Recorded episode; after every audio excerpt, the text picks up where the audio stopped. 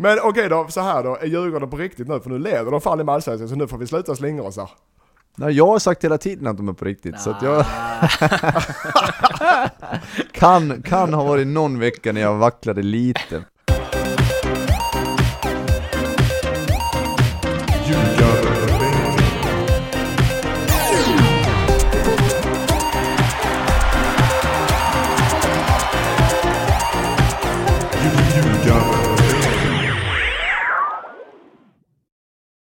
Ljugarbänken, Nordicbets podcast om den eh, svenska fotbollen är och här igen. Mårten Bergman är det som talar. Sitter och spanar ut över min eh, mobiltelefon där bland annat Mattias Lindström i Bar Uber eh, dyker upp. Ja, dyker upp. Jag satte på kameran eh, medvetet för jag ville att ni skulle ha någon glädje i er vardag. Få Mm. i bar Uber och tajta, tajta eh, kroppsfärgade byxor. Är det där den här eh, jojo-testkroppen man hört så mycket om? Den är borta för länge sedan. Den är borta för länge sedan. jag, ska, jag, har, jag blev 40 nästa år så jag har lite, vet, man har ju kris allmänt i livet alltid egentligen. Men nu har jag 40-årskris. Så nu ska jag, börja, ska jag börja träna. Jag tänkte jag ska börja träna och komma i form. Och jag börjar med tv-lagsmatch imorgon. Bästa Lasse, träningen? när ska du, eller på torsdag, när ska du vara med Lasse? Ja, Jag har blivit övertalad eh, så att jag, får, jag ska åka till Skåne och spela fotboll på fredag och lördag, vilket känns eh, egentligen helt orimligt, men ja, det blir säkert kul. Lycka till. Men eh, Lasse, du har ju inte eh, bara överkropp. Du är ju klädsammare än så. Men vad är det för fotboll du ska spela i Skåne? Eh, Men Mattias, det är något, Va? eh, något TV... Jaha, du ska vara med? Ja, jag har blivit övertalad. Oj. Så att nu är, alltså nu kan man väl säga direkt så här att om man inte var avdankad innan så är man det nu. Ja, det är det. Är du riktigt avdankad. Nu har jag kört där två år och du är med i tv-laget så är du riktigt, riktigt avdankad. Ska jag säga så att Mårten, är man med i tv-laget så du, fotbollskvaliteterna är 20% och eh, sociala kvaliteter 80%. Det är det, Det är de går på. Det var därför Erik Edman aldrig fick chansen. Exakt. Han har varken fotbollskvaliteter eller sociala. sociala. Alltså, jag hade platsat va? Nej, det hade du inte. Det är inte en dagisvisp, det är inte en fritidsgård som spelar. Det är jag och Lasse på innermittfältet, så har vi Ekvall som en liten eh, spänstig Exakt, ytter. jag hade Och så har vi eh, El, Gringo, El Gringo som mittback och så har vi... Eh, Vem sa du? Bingo eh, Rimér som mittback? El Gringo, vad heter han? Gringo? Eddie? Eddie. Vadå, Eddie Bengtsson? Ja, Ja, det är mycket utvisningar där, eller? Ja det är det. det är. Jag, jag pratade med David Kryssman, eh, Norrbys klubbchef här i, i morses och jag tänkte jag skulle vara med och, och träna, jag brukar vara borta och kolla på lite träningar men idag ska jag vara med och latcha lite med, med Norrby och kolla lite närmare på träningen från planen så att säga. Och så, ja vad, det måste finnas någon mer anledning att du ska träna fotboll sa han. Ja, jag, jag lovar att jag ska vara med och spela några, matcher där i helgen och, med tv-laget. Då sa han, ja okej, ja då är du avdankad på riktigt kompis. Ja, det är det. Men det, förresten Lasse, hur går det? Alltså, seriöst, blir det med Norrby eller inte? Kan du yttra dig något? Ska du göra Eh, någonting för dem? mm, nej, jag har inte så mycket att, att prata om där faktiskt. Jag är involverad på, eh, på mitt sätt nu och sen får vi se här efter, efter sommaren om, om det blir på något, något mer, eh, Ja. lite, lite mer än vad det är nu. Lite mer officiellt. Ja, Ja, precis. ditt sätt nu är alltså att vara med och latcha lite på träning. Nej, jag, jag tittar ju mycket eh, vanligtvis. Inte så mycket träningar nu då eftersom jag varit iväg och, och eh, semestrat men försöker vara lite bollplank och sådär. Både Mm. till tränare och till klubbchef. Spännande. Lindström, är du involverad i Eskilsminne fortfarande? Det är jag, eh, ett tag till i varje fall. Nej, och vi har omstart, eh, vi har haft Eskilscupen som är Sveriges näst största, men inte tror, tar fel, efter Gothia Cup. Så det har, vi har, spelarna har jobbat med den som funktionär hela helgen och även jag eh, på mitt sätt. Så att det har varit träningsledigt och vi har match imorgon mot Lunds BK i en ödesmatch. Och sedan det som är nytt i Eskilsminne är väl att eh, eh, vi ska börja vinna matcher.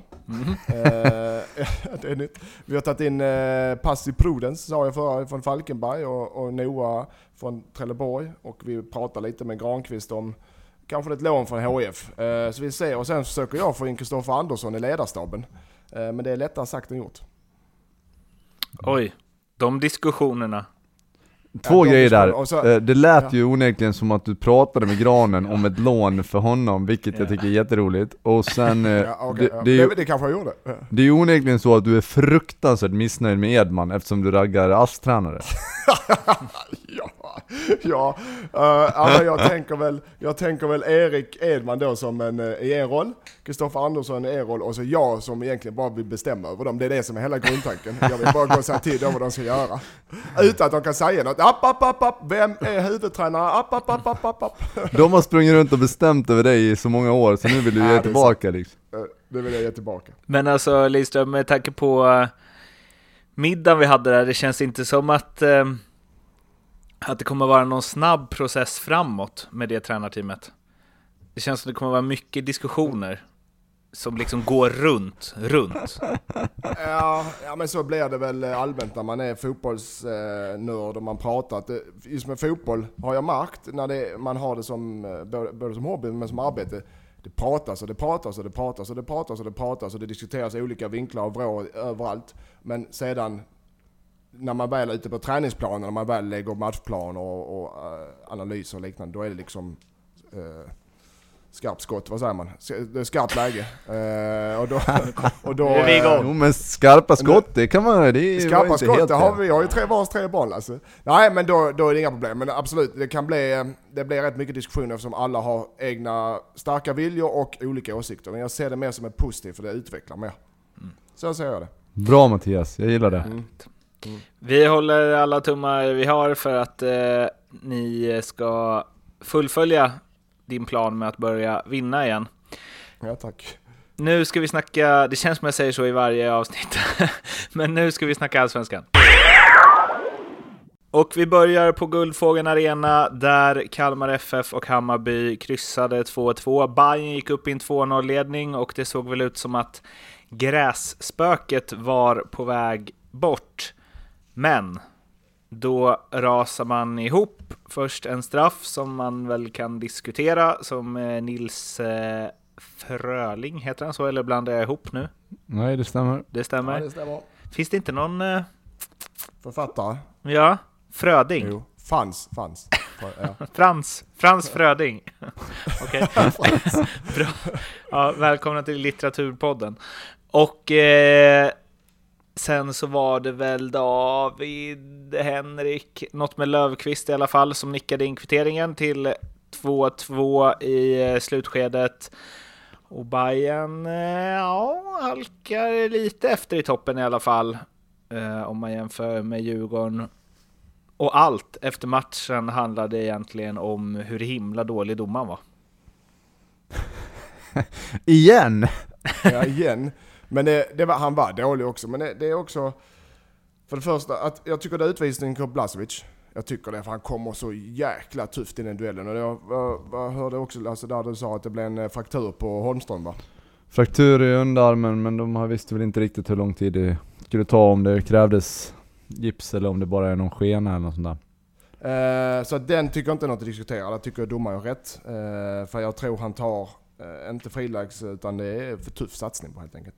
Eh, men straffen är ju ännu en gång horribelt eh, beslut. För att jag tycker eh, Kaka där han gör bra försvar. Det är bra försvarsspel. Han styr honom, han täcker med kroppen och sen trillar. Jag vet inte om han halkar eller trillar eller vad han gör. Men att kanske en liten kroppskontakt. Men det är inte, det är inte, vi spelar inte badminton. Utan det Man kan ju inte bara springa in i en spelare och lägga sig. Nej, det är det jag menar. Jag, jag tycker det är bra försvarsspel. Är det någon som ska ha frispark så är det Kakanicic. Men det är lite som, det är lite så basket, så offensiv foul när de... Ja, eh, exakt. Alltså, han har ju tagit den ytan mycket tidigare, än, han har ju Ja. läst sönder honom. Så att sen väljer han att springa rakt in och, och dessutom faller han ju innan kontakten, så att det är klart att det inte är någon straff. Liksom. Det går inte att det, där just att, att en, en, en domare kan vara dåliga precis som spelare är dåliga. Och det, det är liksom inget konstigt. Därför man, därmed tycker jag att man har rätt att gå ut och kritisera domarna. Det får man, eh, det är, för, det, är man med i leken får man leken tåla. Så det är inget, man kan inte skylla på förluster för mycket på domarna. Man kritiserar domarna när de är dåliga och man kan berömma dem är bra. Det är liksom en del av arbetet. Men därmed tycker i det här fallet så tycker jag han står så jävla bra placerad. eh, på straffen så han ska inte missa det. Han ska inte missa den.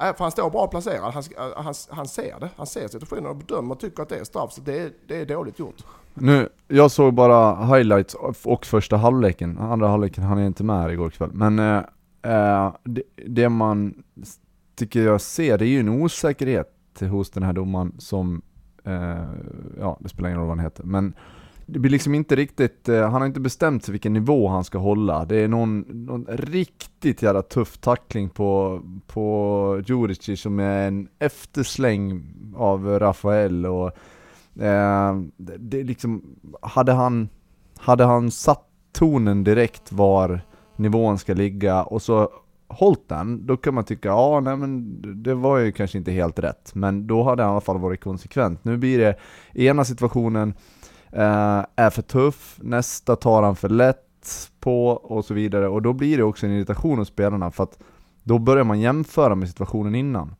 Eh, det gör man hela tiden, ja men den då, ja men den då. Men just då när han inte är konsekvent i bedömningen så blir det extra irriterat. Mm.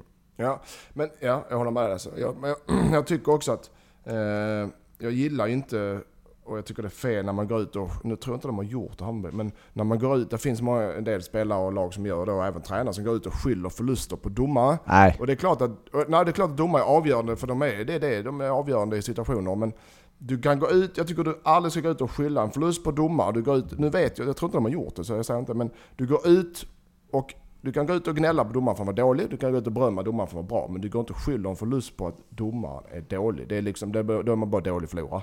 Men i det här fallet så hade han det dåliga beslut.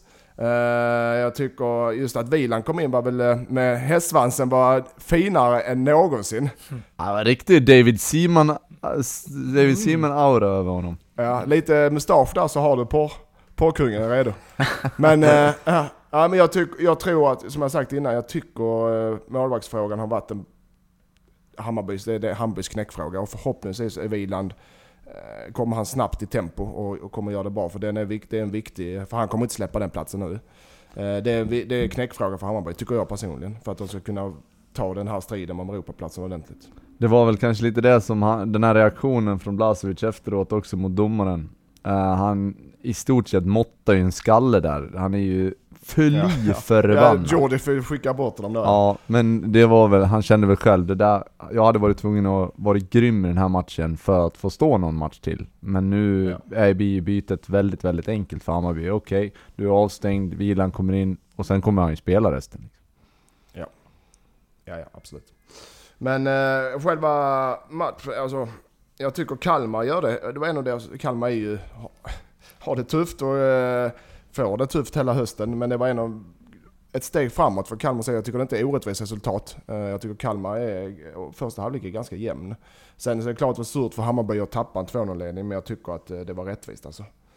Det är, sen är frågan alltså med Kalmar, nu har de eh, Örebro borta, AIK, Örebro hemma, AIK borta, Göteborg borta, MFF hemma. Det, det, det spelschemat är inte att leka med. Så jag tror de får jag tror de får det tufft hela vägen alltså. Ja. Tyvärr. Um, jag tycker ändå att det var, fanns, både mot Elfsborg och i den här matchen så fanns det ju lite, ja, det fanns positiva sidor i, i Kalmars spel. Jag tycker att man, Nils Fröling hittar rätt ganska ofta, kommer till eh, hyfsade avslut, man har liksom lite spets framåt som det inte har sett ut att man har haft innan. Så att eh, jag tyckte Kalmar gjorde en ganska bra match också och det var absolut inte orättvist att de fick med sig en poäng. Nej det var det inte. Men de får ju koncentrera sig och vinna på de lagen de som mot Örebro nu nästa match hemma, det är den så. De behöver inte... Jag tror de vinner faktiskt. Jag tror det blir tre poäng. Det tror jag, det tror jag också. Det tror jag också. Nils Fröling, han kan bli något va? Det tror vi. Ja, han påminner lite grann om Gustav Engvall tycker jag. Så lite kantig fast ändå liksom stark och snabb och liksom rakt mot mål. Sen behöver han ju ta sig in i straffområdet lite oftare och vara lite mer där det händer så att säga. Han, blir, han är väldigt delaktig i, i uppspelsfas och sådär och, och vill ha boll. Men han måste vara, ja för, för att börja göra lite fler mål så måste man ju också vara där målen görs. Liksom. Mm. Men eh, 19 år, ja absolut det är, en, det är en eh, spännande spel. Vi var inne på det redan på vårt uppsnack inför säsongen. Att han är, han är spännande för Kalmar. Det är en spelare som eh, de kan bygga på över tid, hoppas jag. Ja, verkligen.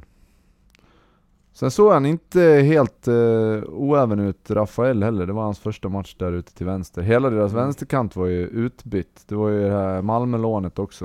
Uh, det var mycket spel på Kalmars vänsterkant, i alla fall i första halvlek som jag såg. Och Mm. tyckte de gjorde det ganska bra. Så att det um, kan också vara en, uh, en liten nyckel för dem. Snabbt. Eh, Kal- eller Hammarby och naturgräs rimmar inte alls. Nej det gör inte det. Är det bara så det är eller? Nej men det är inte ovanligt i den, nu på fotbollen som är i Sverige nu att du har spelare som i Hammarbys fall med de här snabba, kvicka, offensiva spelarna som, som eh, är fina tekniskt och fina passningsspelare. Det är klart att bollen, när du vet exakt hur bollen går på en, på en konstgräsmatta och du kan utnyttja ditt passningsspel på ett helt annat sätt. Det går snabbare och det är lättare. Nu tror jag inte det är så, eh, de Hammarby är så extrema som man vill ha det till men de har ju svårare på gräs. Det är, det är ingen hemlighet att konstgräslagen eh, har svårare på gräs.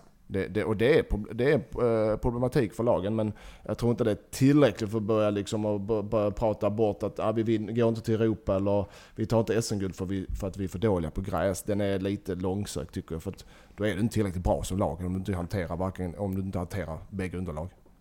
Nej, men sen är det ju, alltså, det är inte så många lag som spelar på gräs heller. Det är Nej. Malmö, AIK, det är tuffa bortamatcher hur man än vänder och vrider på det. Sen Kalmar, Falkenberg, Helsingborg är också tuff- tufft att komma dit. Så att det är ju inte, det är inga så superenkla trepoängare kanske, när det dessutom alltid är bortaplan att spela på liksom, om man har konstgräs hemma. Men jag tror att, eh, att det kommer bli ännu större skillnad i det här konstgräs, grässiffrorna. För att eh, eh, framförallt de lagen som, som har konstgräs på sin hemmabana, de, man tränar ju nästan bara på konstgräs. Och de här ungdomarna som kommer upp, de tränar bara på konstgräs.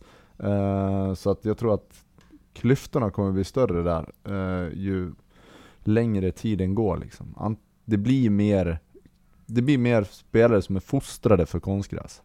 Ja, den är intressant för att det, Eh, om man, som du sa Lasse, det är ungdomsspelare som kommer. Nu, har det, nu är det skillnad på, uppe i Stockholm där du, i den stora världen där uppe Mårten, så är det ju spelare som kan spela som är fem år gamla och nu ska de upp i någon senior så är de 19, 17, 18 och lovande. De har ju aldrig spelat på gräs, någonsin. Ja, såklart någon, men eh, eh, äh, äh, tränar på konstgräs i hela sin karriär.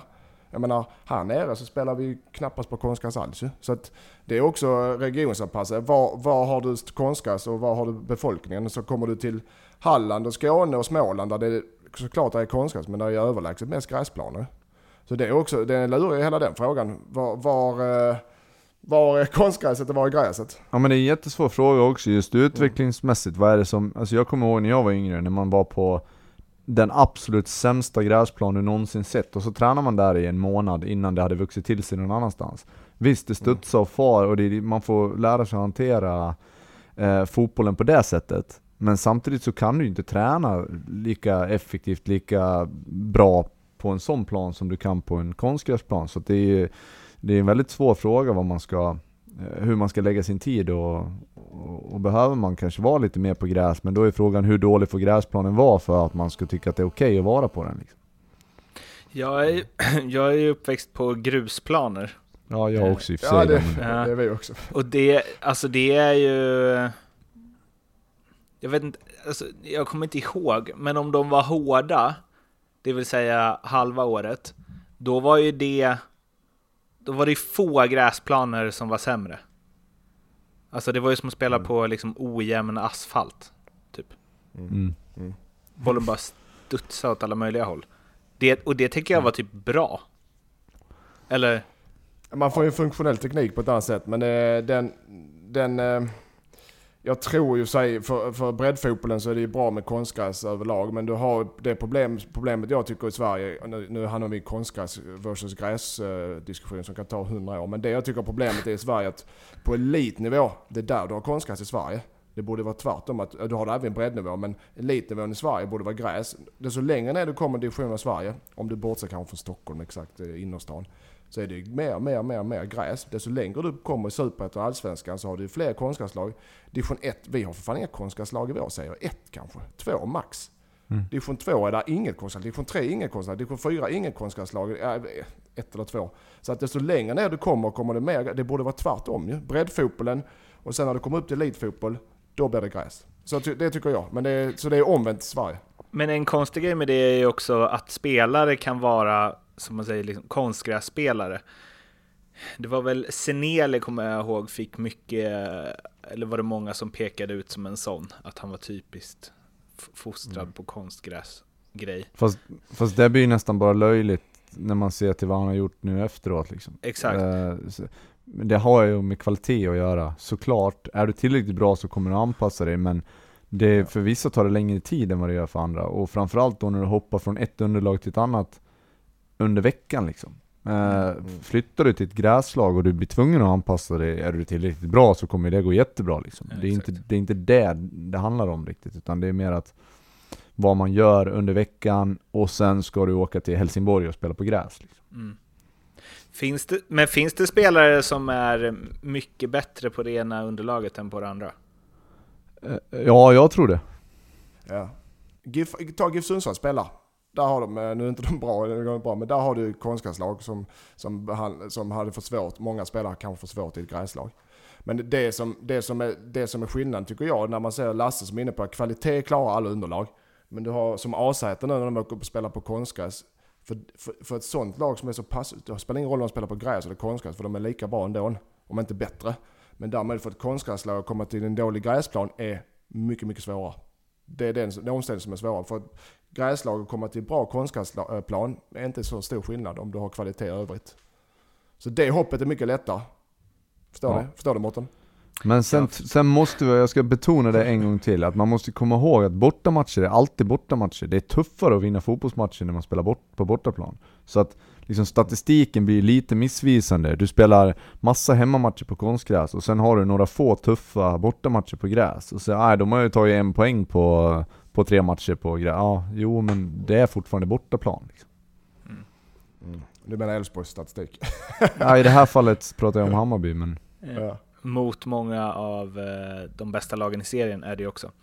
Eh, ja, det här är ju ett eget program framöver, som så många andra ämnen som vi glider in på. Nu ska vi till eh, en konstgräsplan i Borås. Djurgården gästade Elfsborg och vann med 1-0. Inhoppande Kevin Walker gjorde ett väldigt, väldigt fint mål efter en, ja det var väl en nickpass av Buya Turay, men man blev så förvånad över att han nickpassade och inte nickade på mål i det läget. Eh, och det blev väl hela Elfsborgs försvaret, för Kevin Walker kunde enkelt styra in bollen i mål, det blev matchens enda. Och om Hammarby gnällde på domaren så svarade Kim Bergstrand, Djurgårdstränare, å sin sida att det han var mest nöjd med, förutom segern, var att ingen av hans spelare dog. Med tanke på hur fult Elfsborg spelade. Stora ord från, eh, vilket det ju ganska ofta är, från herrar Bergstrand, Lagerlöf. Men eh, spelade Elfsborg så himla fult? Mattias, vad, vad säger du? nej, jag, det är du som är Elfsborgsparten. Jag, jag kan ta det vad jag tycker att, nej det tycker jag inte de spelar speciellt fult. Det beror på vad gränsen är. Eh, man möter ett lag som är bättre både på pappret och på plan och, och antagligen direktiven från mm, tränarna är väl att gå in och smälla och, och, och eh, hårt med rättvisa och få ner tempot på deras eh, kvicka offensiva spelare. Det, är- ibland är det väl så, ibland är det till och med så enkelt att man inte hänger med. Du försöker ta bollen men spelaren är för snabb, ja då kanske du råkar ta benen istället. Det har hänt mig många gånger. Men ni förstår, alltså Elfsborgs spelare och eh, deras direktiv från tränaren. Det är väl klart att man inte ska gå och säga till dem att gå in och skada spelare. Men jag tycker inte de spelar fult utan där har du en domare som får styra det. Det är därför domaren finns. Hade det inte funnits domare så hade folk sprungit och slaktat varandra. Men fanns det någon situation som var liksom överdriven? Jag kan inte komma Nej ihåg det är det jag inte tycker. Jag, jag, han tycker väl, jag vet inte riktigt vad han är ute efter. Jag tycker inte det var speciellt fult. Nej. Eller det var det inte. Det var inte speciellt fult. Nej. Det, det de gjorde, som de, eh, det blev de bestraffade. De fick fyra varningar i matchen. Ja, du får fyra varningar men du får inte fyra utvisningar. Och det är inte fyra skallningar eller fyra armbågar. Så det är fyra varningar för att du är lite tuff i närkampen. Ja, sen var det som du sa, det var några gånger när de hamnade lite, lite efter och det, det kommer någon, någon lite sen tackling, men det är ju inga farliga grejer liksom. Det är ingenting du blir Nej. skadad av. Inte, inte vad jag kan komma ihåg i alla fall. Max Danielsson eh, tyckte ju inte heller det. det är lite konstigt att Kim går ut och svingar så efter en vinst. Om det inte, Ja, ja. alltså det tänker jag att man gör om det var en slakt där ute. Ja. Ja. Jag, jag vet inte om det är en styrka eller en svaghet att du står efter, du leder allsvenskan efter en vinst och står på bortaplan och fyra och så står han och gnäller på domaren efter. Fast han gnäller inte på domaren, han gnäller ju på Nej, motståndaren. det gjorde han kanske. Han gnällde på motståndaren, sant. Det kan vara styrka också att det är en sån, eh, liksom en sån vinnarskalle, vad- det, det, jag gillar inte uttrycket, men en sån skalle som liksom aldrig nöjd utan bara strävar, strävar, strävar hela tiden efter något bättre. Och det kan väl vara en styrka som tränare, men i det här fallet tyckte jag det var lite märkligt agerande. Här strävar han ju efter något bättre hos motståndaren och det kanske var lite... Det är ännu mer märkligt. men men okej då, så här då. Är Djurgården på riktigt nu? För nu leder de fan i Allsvenskan, så nu får vi sluta slingra oss här. Nej, jag har sagt hela tiden att de är på riktigt, så att jag kan, kan ha varit någon vecka när jag vacklade lite, men... eh, Ja, det är svårt att säga något annat när man leder Allsvenskan, att de inte är på riktigt, eller? Nej men så här, det, för det ni hela tiden säger då är ju att de är, eh, att de kommer slåss om Europa, eller ta en Europaplats. Men nu är ju frågan med eh, 12 omgångar kvar, kan Djurgården vinna guld?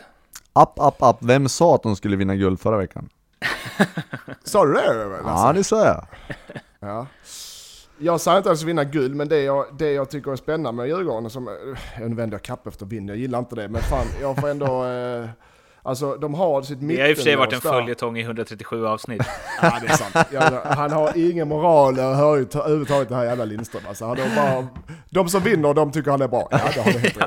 Ja. Men i varje fall, jag tycker att eh, just deras Djurgården, det som är styrkan just med dem är att de har sitt mittlås med Uno Larsson och Danielsson som mittbackar. Så har du i serien 4-2-3-1 och så har du Karlström och Ulvestål framför eh, i sina två sittande innermittfältare. De fyra där tillsammans bildar en sån jävla eh, bra grund eh, försvarsmässigt att stå på. För de håller sig i sina centrala linjer. De, de liksom är bra med bollen, de är utan, bra utan bollen, bra positionsspel. Och sen så har de, kan de släppa sina andra spelare som Chili och Astrid och eh, Turay och eh, Ring och allt fan och Kanton också för den delen. De kan släppa dem på en helt annan sätt i offensiven för de vet att de fyra där, de är täta och fina. Det är det, de, det, är det som jag tycker är Djurgårdens starkaste sida just nu. Och sen också, ja vad Ja. sa du Lasse? Ja, jag älskar det där att man kan dela upp lite grann. Det behöver inte vara alla som försvarar hela tiden, eller alla som anfaller, utan det är liksom man, man får, får utnyttja det de specifika spelarna är bra på. Okej, nu har vi en, en kille som är väldigt duktig en mot en. Ja men försök att hamna i de situationerna så mycket som möjligt. Och det är okej att man fuskar lite grann i försvarsspelet, för att vi har tillräckligt många spelare som är bra på att göra det du inte är bra på, vilket är att försvara till exempel. Så att det är klart att man måste ha ett kollektivt försvarsspel som ska fungera, men det behöver inte vara så genom 90 minuter, utan man kan få, få syssla med lite individuella grejer då och då. Tycker jag. Jag tänker lite på... um, ja, det är ju en lång jämförelse, men när- eh, José Mourinho hade, eller vann Champions League med Inter, så hade ju de en fyrling som han hela tiden eh, lyfte fram med, ja vad var det? Lucio, Samuel, Cambiasso, typ Motta kanske? Eller något? Mm, Kan det, kan det, jo, det kan ett mått där. s- som han sa var nyckeln i att de kunde ja, men slå ut Barcelona och, eh, Mm. och så vidare. För att de bara stängde allt. Och hade noll så här kreativt eh, ansvar. Alltså klart att mittbackarna inte hade det. Men även att det var två mittfältare som bara var hemåt. Liksom. Ja. Nu är jag aningen färgad, ska jag erkänna i, det här, i den här frågan, men jag, jag gillar ju det där och älskar ju holländska fotbollen. Det var någon som sa det nu nyligen också. Uh, Färgad för att du fick slapp jobba hem. Eh, och det är okej att man sparar på lite krafter för att göra det du är bra på. Istället för att du ska fokusera all din energi på att göra saker du till att börja med inte är speciellt bra på, men sen inte heller ha energi till att, till att vara bra offensivt liksom, och vara pigg och fräsch när bollen är eh, där, där du är bra liksom. Eh, jag vet inte vem det var, det var någon svensk som sa nyligen att att ja, det är skillnad. Ja, det var ju Jordan Larsson. Jag lyssnade på någon podd med Jordan. Och att eh, han tyckte det var tufft första året, omställningen. eh, till svensk fotboll igen, trots att han bara rör iväg en, en, en, kort stund. I början så, så kände han att han tog så fruktansvärt mycket löpmeter åt fel håll. Eh, och i Holland var han van att han liksom fick, ja, kom på rätt sida, men sen ska du vara fräsch när du har bollen. Och jag känner igen det där jättemycket från min, mina år i Holland, att eh, det var ofta man kände sig ganska fräsch. Ehm, när man skulle göra sina, ta sina löpningar eller utmana eller vad det nu var. Och det glöms bort lite grann tycker jag i Sverige. Det blir väldigt mycket kollektivt och alla ska vara med på allt hela tiden. Liksom. Men så är det väl i de största...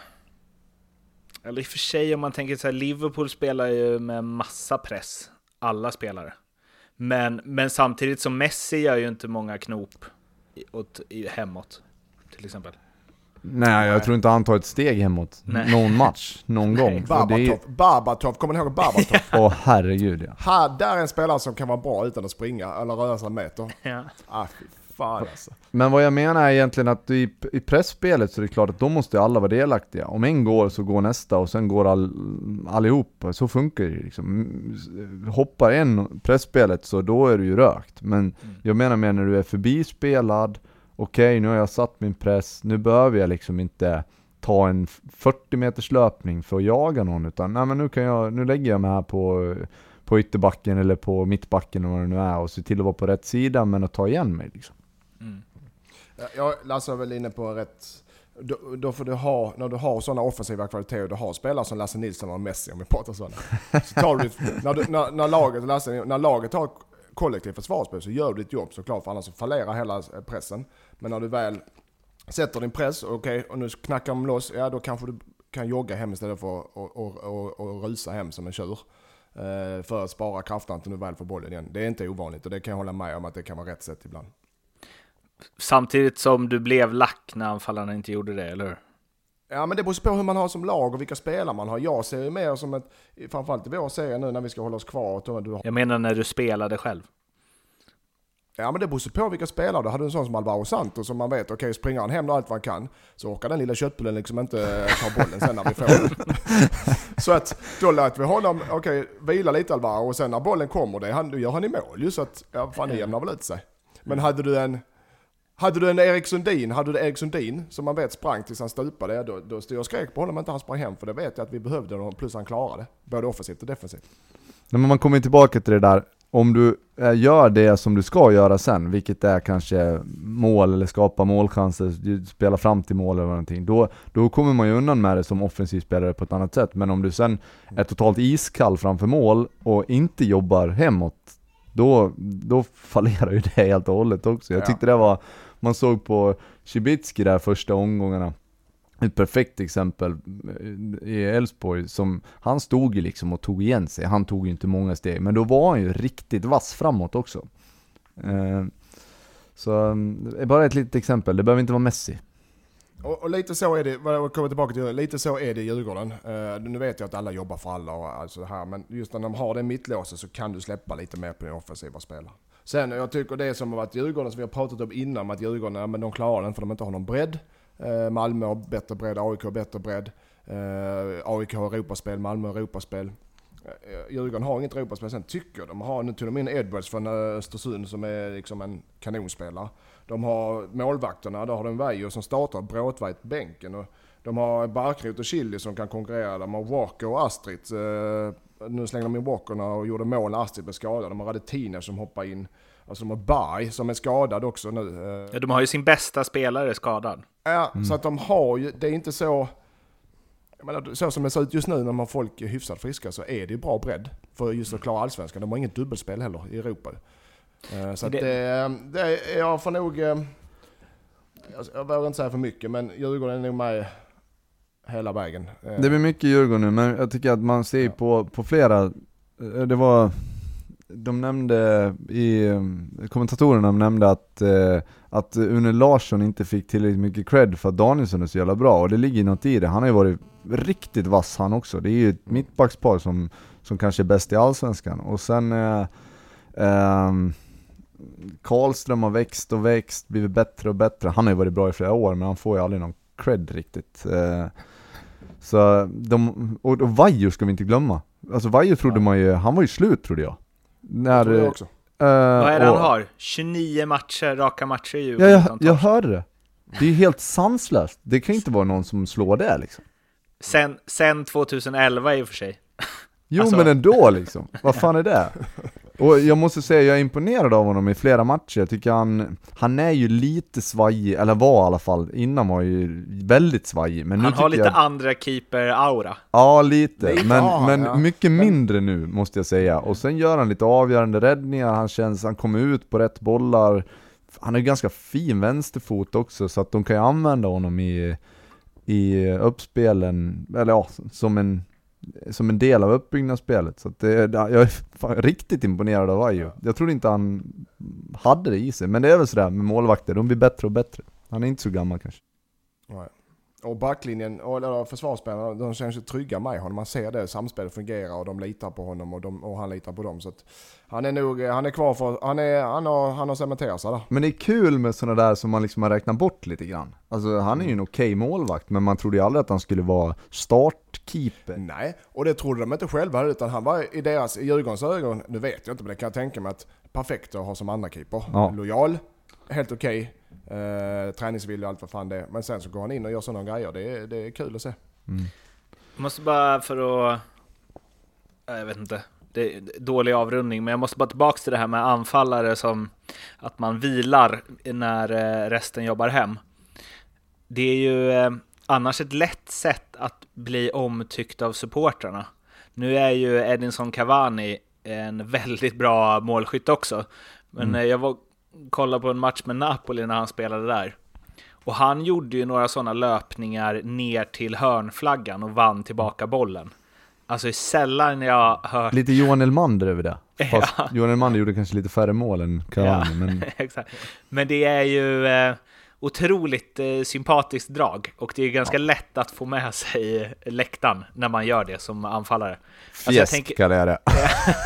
jag tänker att om man, om man är en anfallare som inte gör så mycket mål, gör så istället så kommer supportrarna ändå gilla dig. Jo, så är som det. Elmander. Men bara lite om, om matchen och Djurgården där, och då är det klart de är ju aldrig hotade riktigt. Eh, Elfsborg, ja de gör väl det man kan förvänta sig. Det är ingen dålig fotbollsmatch, men Djurgården är bara för bra. Uh, man kommer liksom inte till överhuvudtaget.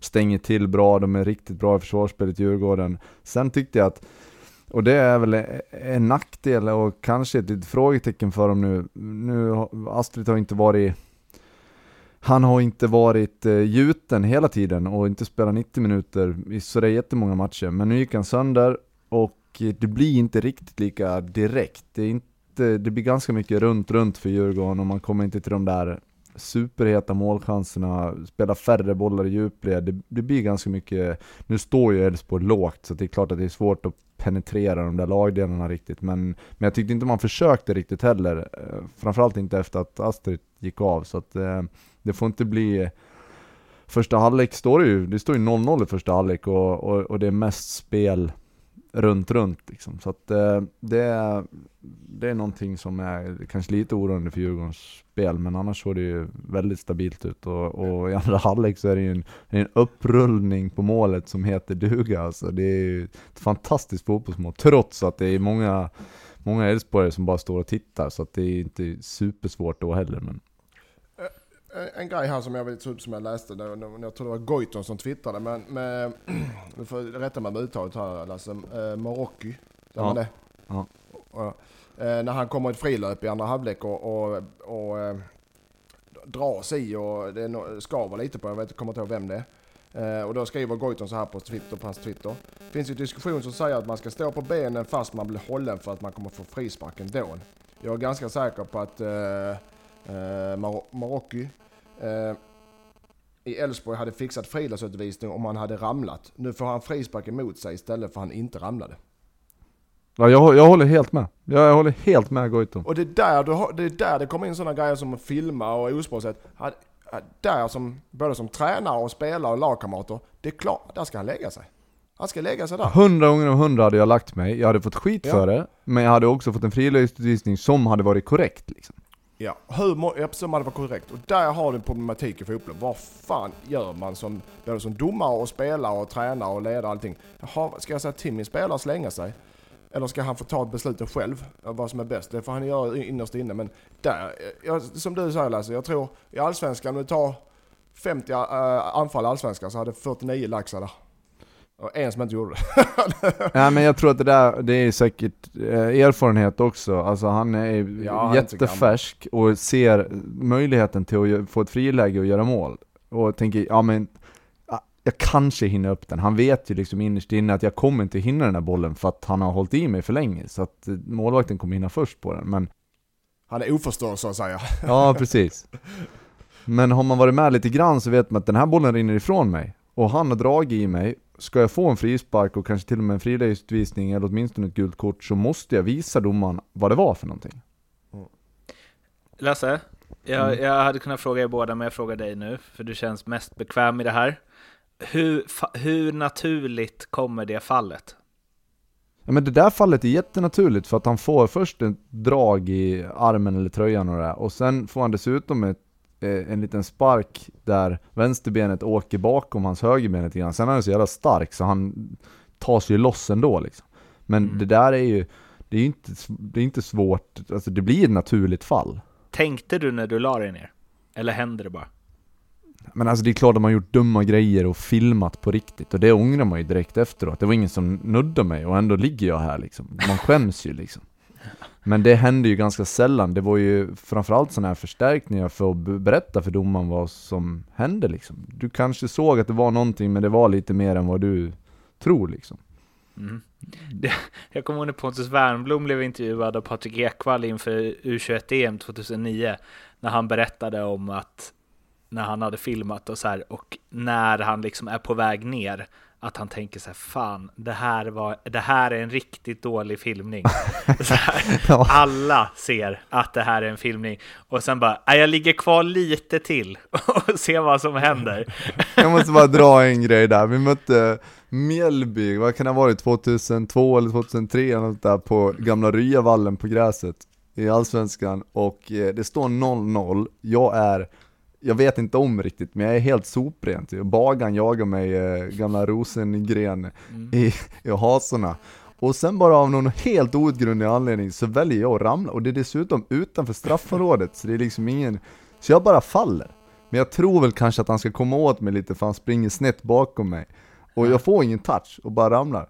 Gult kort, filmning, vilket var helt, eh, helt klart att det var det. Och sen när jag reser mig och tänker vad fan har jag gjort? Och så står bagaren där och kollar på mig. Lasse du var ju helt fri. Varför ramlar du så här?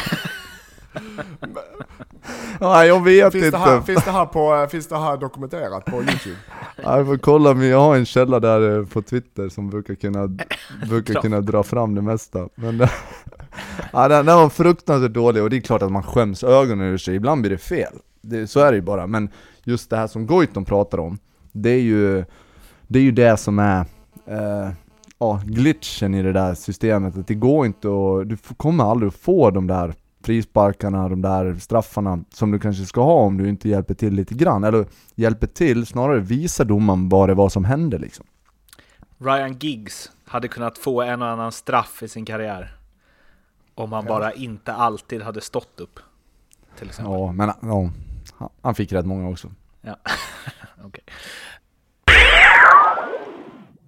Nu ska vi snacka om Europaspelet, där ju AIK fick säga bye-bye till Champions League-drömmen och Malmö och Norrköping tog sig vidare i eh, Europa League-kvalet, där nu också AIK joinar medans Häcken å sin sida åkte ut mot AZ Alkmaar med besked, får man ju säga. Vi kan ju dra det lite fort. De gjorde ju ett 0-0 på eh, bortaplan och det såg väl ganska ljust ut, men hemma var, de, var Häcken chanslöst. 0-3 i röva. Ja, det var klasskillnad då. Ja, eh, det, det var det. Ja, nej men det, det är inte så mycket att säga, Men det- man ser att det är stor skillnad. Ja, det är lite skillnad såklart, men eh, sen tror jag också att det har med, med matchandet att göra.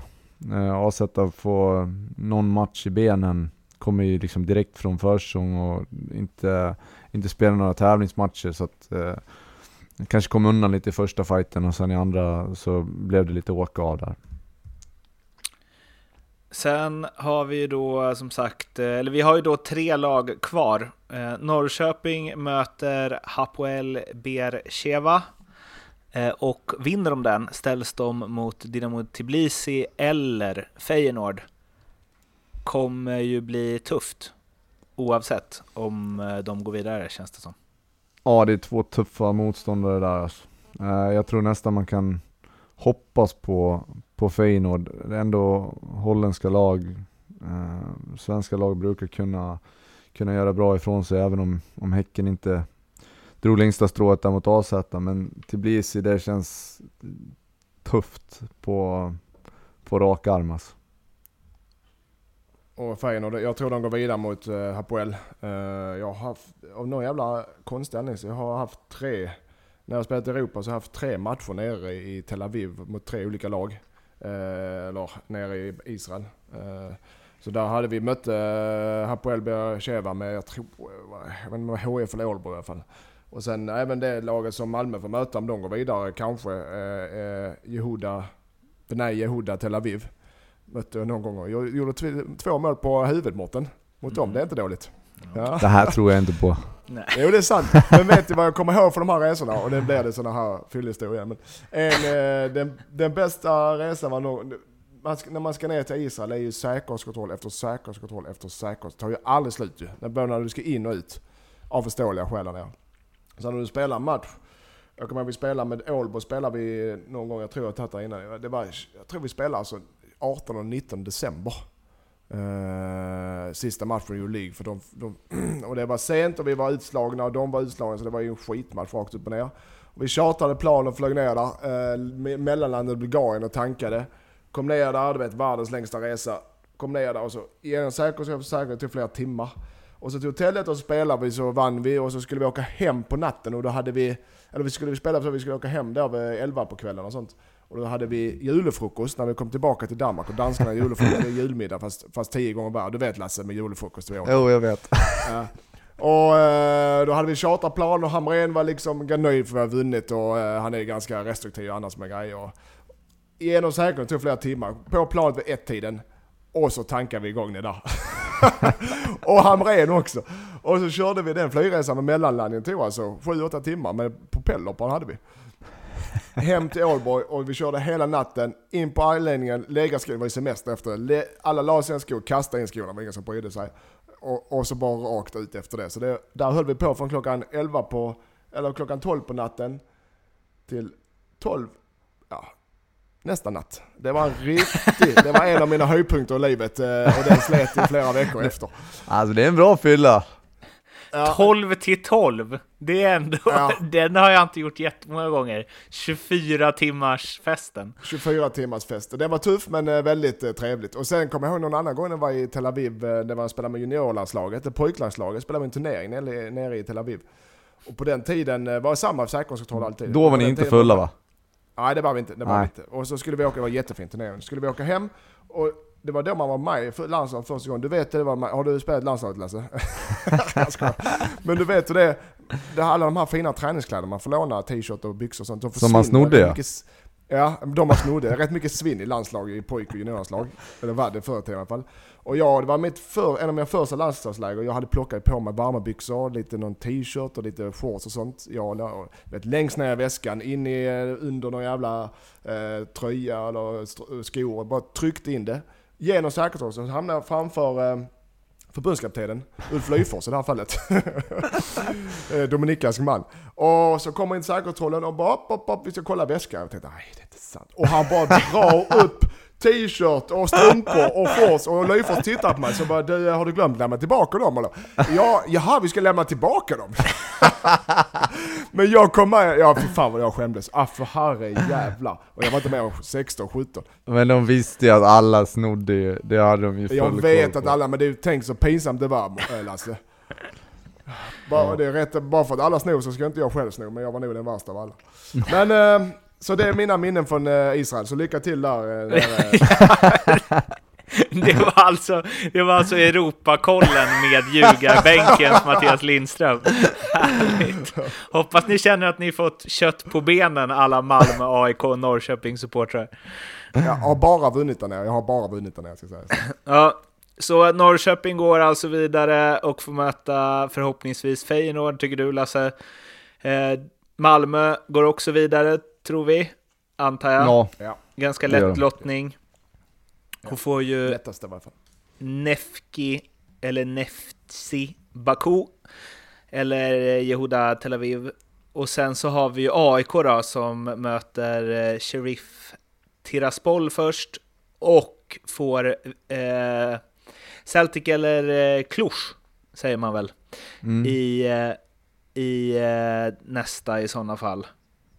Också tufft. ja tufft. Men inte, inte omöjligt. Och Celtic Park är ju det är ett fantastiskt ställe att spela fotboll på. Så att, eh, eh, och jag tror ändå att AIK har en hyfsad chans. Så att, eh, Ja, Celt, Celtic är ju inte, det är ju ett stor klubb och en fin klubb men det ska inte eh, överskattas. Celtic, Nej. vi mötte dem i Champions League-kvalet med HIF och det kunde mycket väl gått vidare. Eh, slarvigt tycker jag personligen. Så att eh, den är inte omöjlig. Det är en av de matcher som jag... Fy fan vad ni brände i den bortamatchen alltså. I hemmamatchen. I hemmamatchen. Ja, hemmamatchen. hemmamatchen. Mm. Alltså vi skulle avgjort den matchen efter 20 minuter. Ja. Eh, och det stör mig, fort, mig fortfarande för där, eh, ja, det är störigt. ja, vi åkte också ur mot Celtic 13 i playoffet. Mm. Eh, och det var väl i och för sig ganska rättvist. Men vi var liksom inte, man är inte långt ifrån ett, ett Celtic som då var rätt bra. Liksom. Så att Mm. eh, jag tror AIK har goda möjligheter. Sen är det, det är ju en, det är en, det är en ganska rolig fotbollsupplevelse. Eh, fullsatt Celtic Park. Det är svårt att inte vara motiverad en sån match.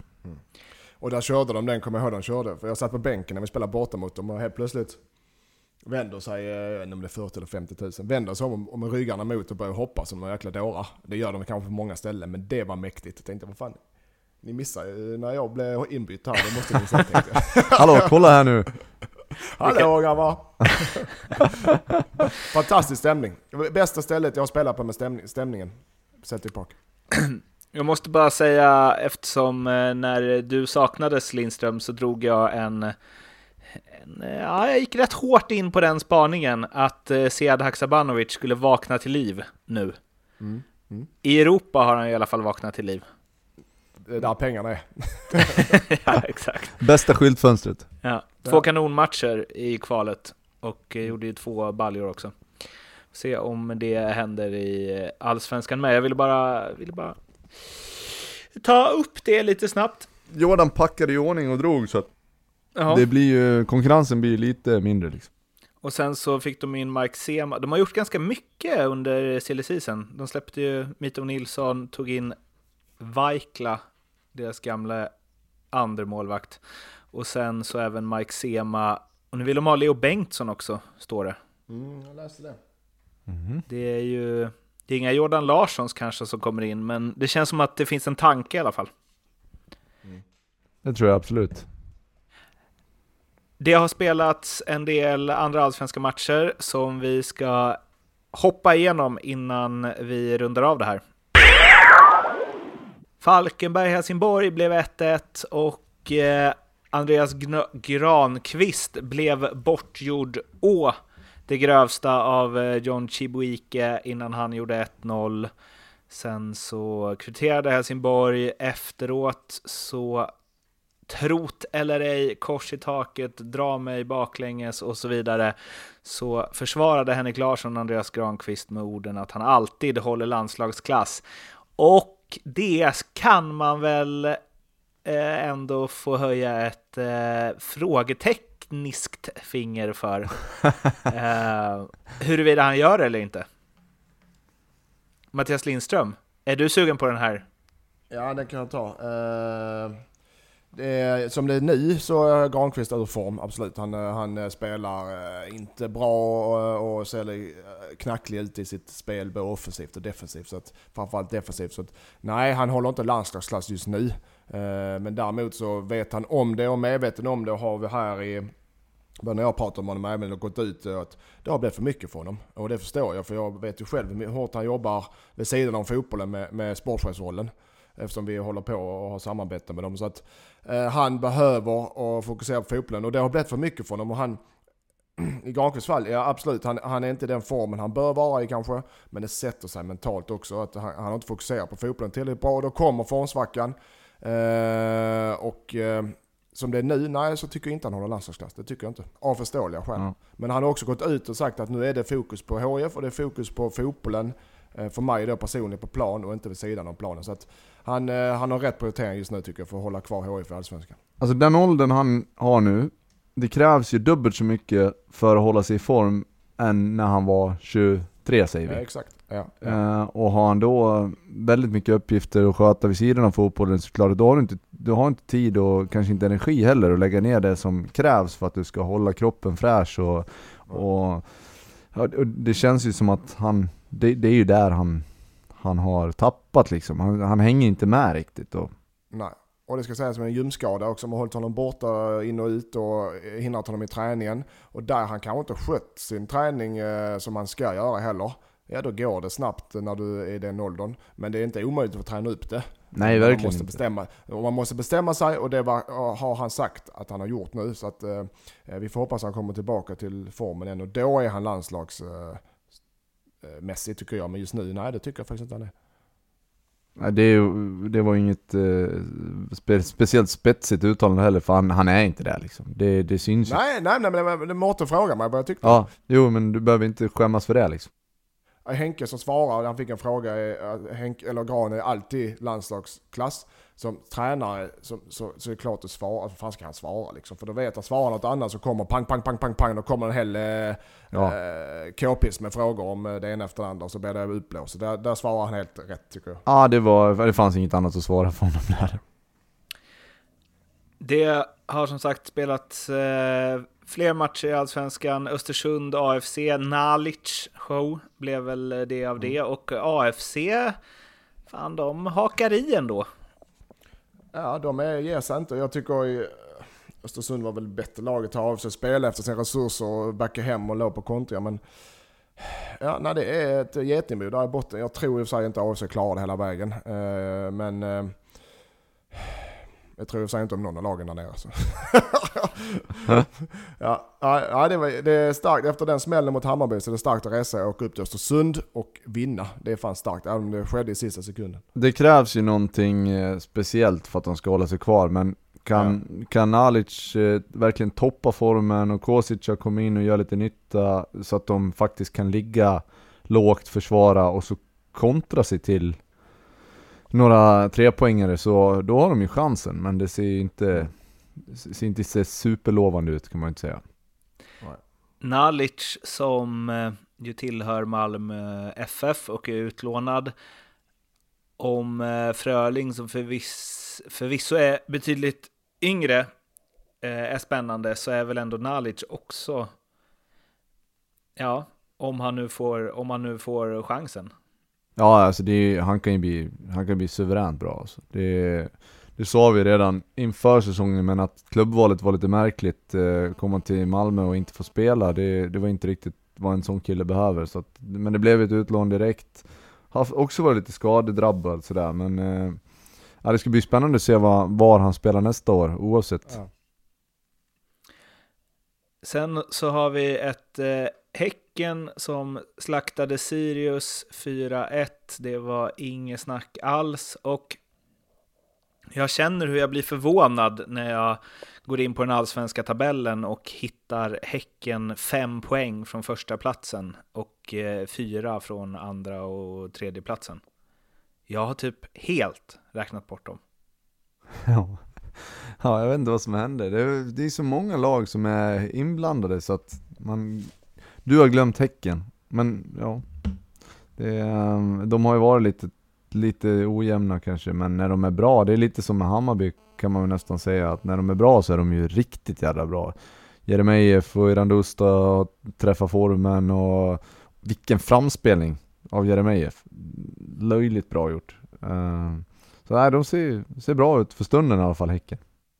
Och de har lite samma som eh, i 4-2-3, lite samma som eh, Djurgården vi pratade om. De har Lindgren och så har de Toivio och så har de Berggren och Friberg som ett jävla mittenlås. Och så har de eh, sina spelare med Radust och Jeremejeff och Yasin och Lundborg och Paulinho och alla vad fasen det är.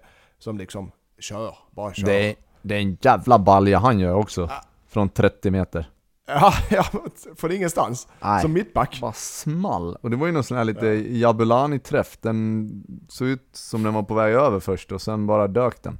Men eh, han fick dessutom, eh, dessutom han fick en flis i tanden. Han blev skallad av medspelare i firandet, så han stod och var svinsur efteråt. Fan vad gött. Men ska vi, ska vi komma fram till att Häcken är vårt nya Djurgården då? Och vi vet inte riktigt, vi, vi har det lite från vecka till vecka om de är med eller inte. Det kan vi säga. Ja. Va? Kommer de vara med om guldet? Nej. Nej. inte denna vecka. Inte denna vecka. Slutligen Örebro-Göteborg, där eh, Göteborg ledde med 2-0. Örebro kvitterade i absolut sista sekund efter ett eh, av de enklare målen som Agon Mehmeti gjort genom åren.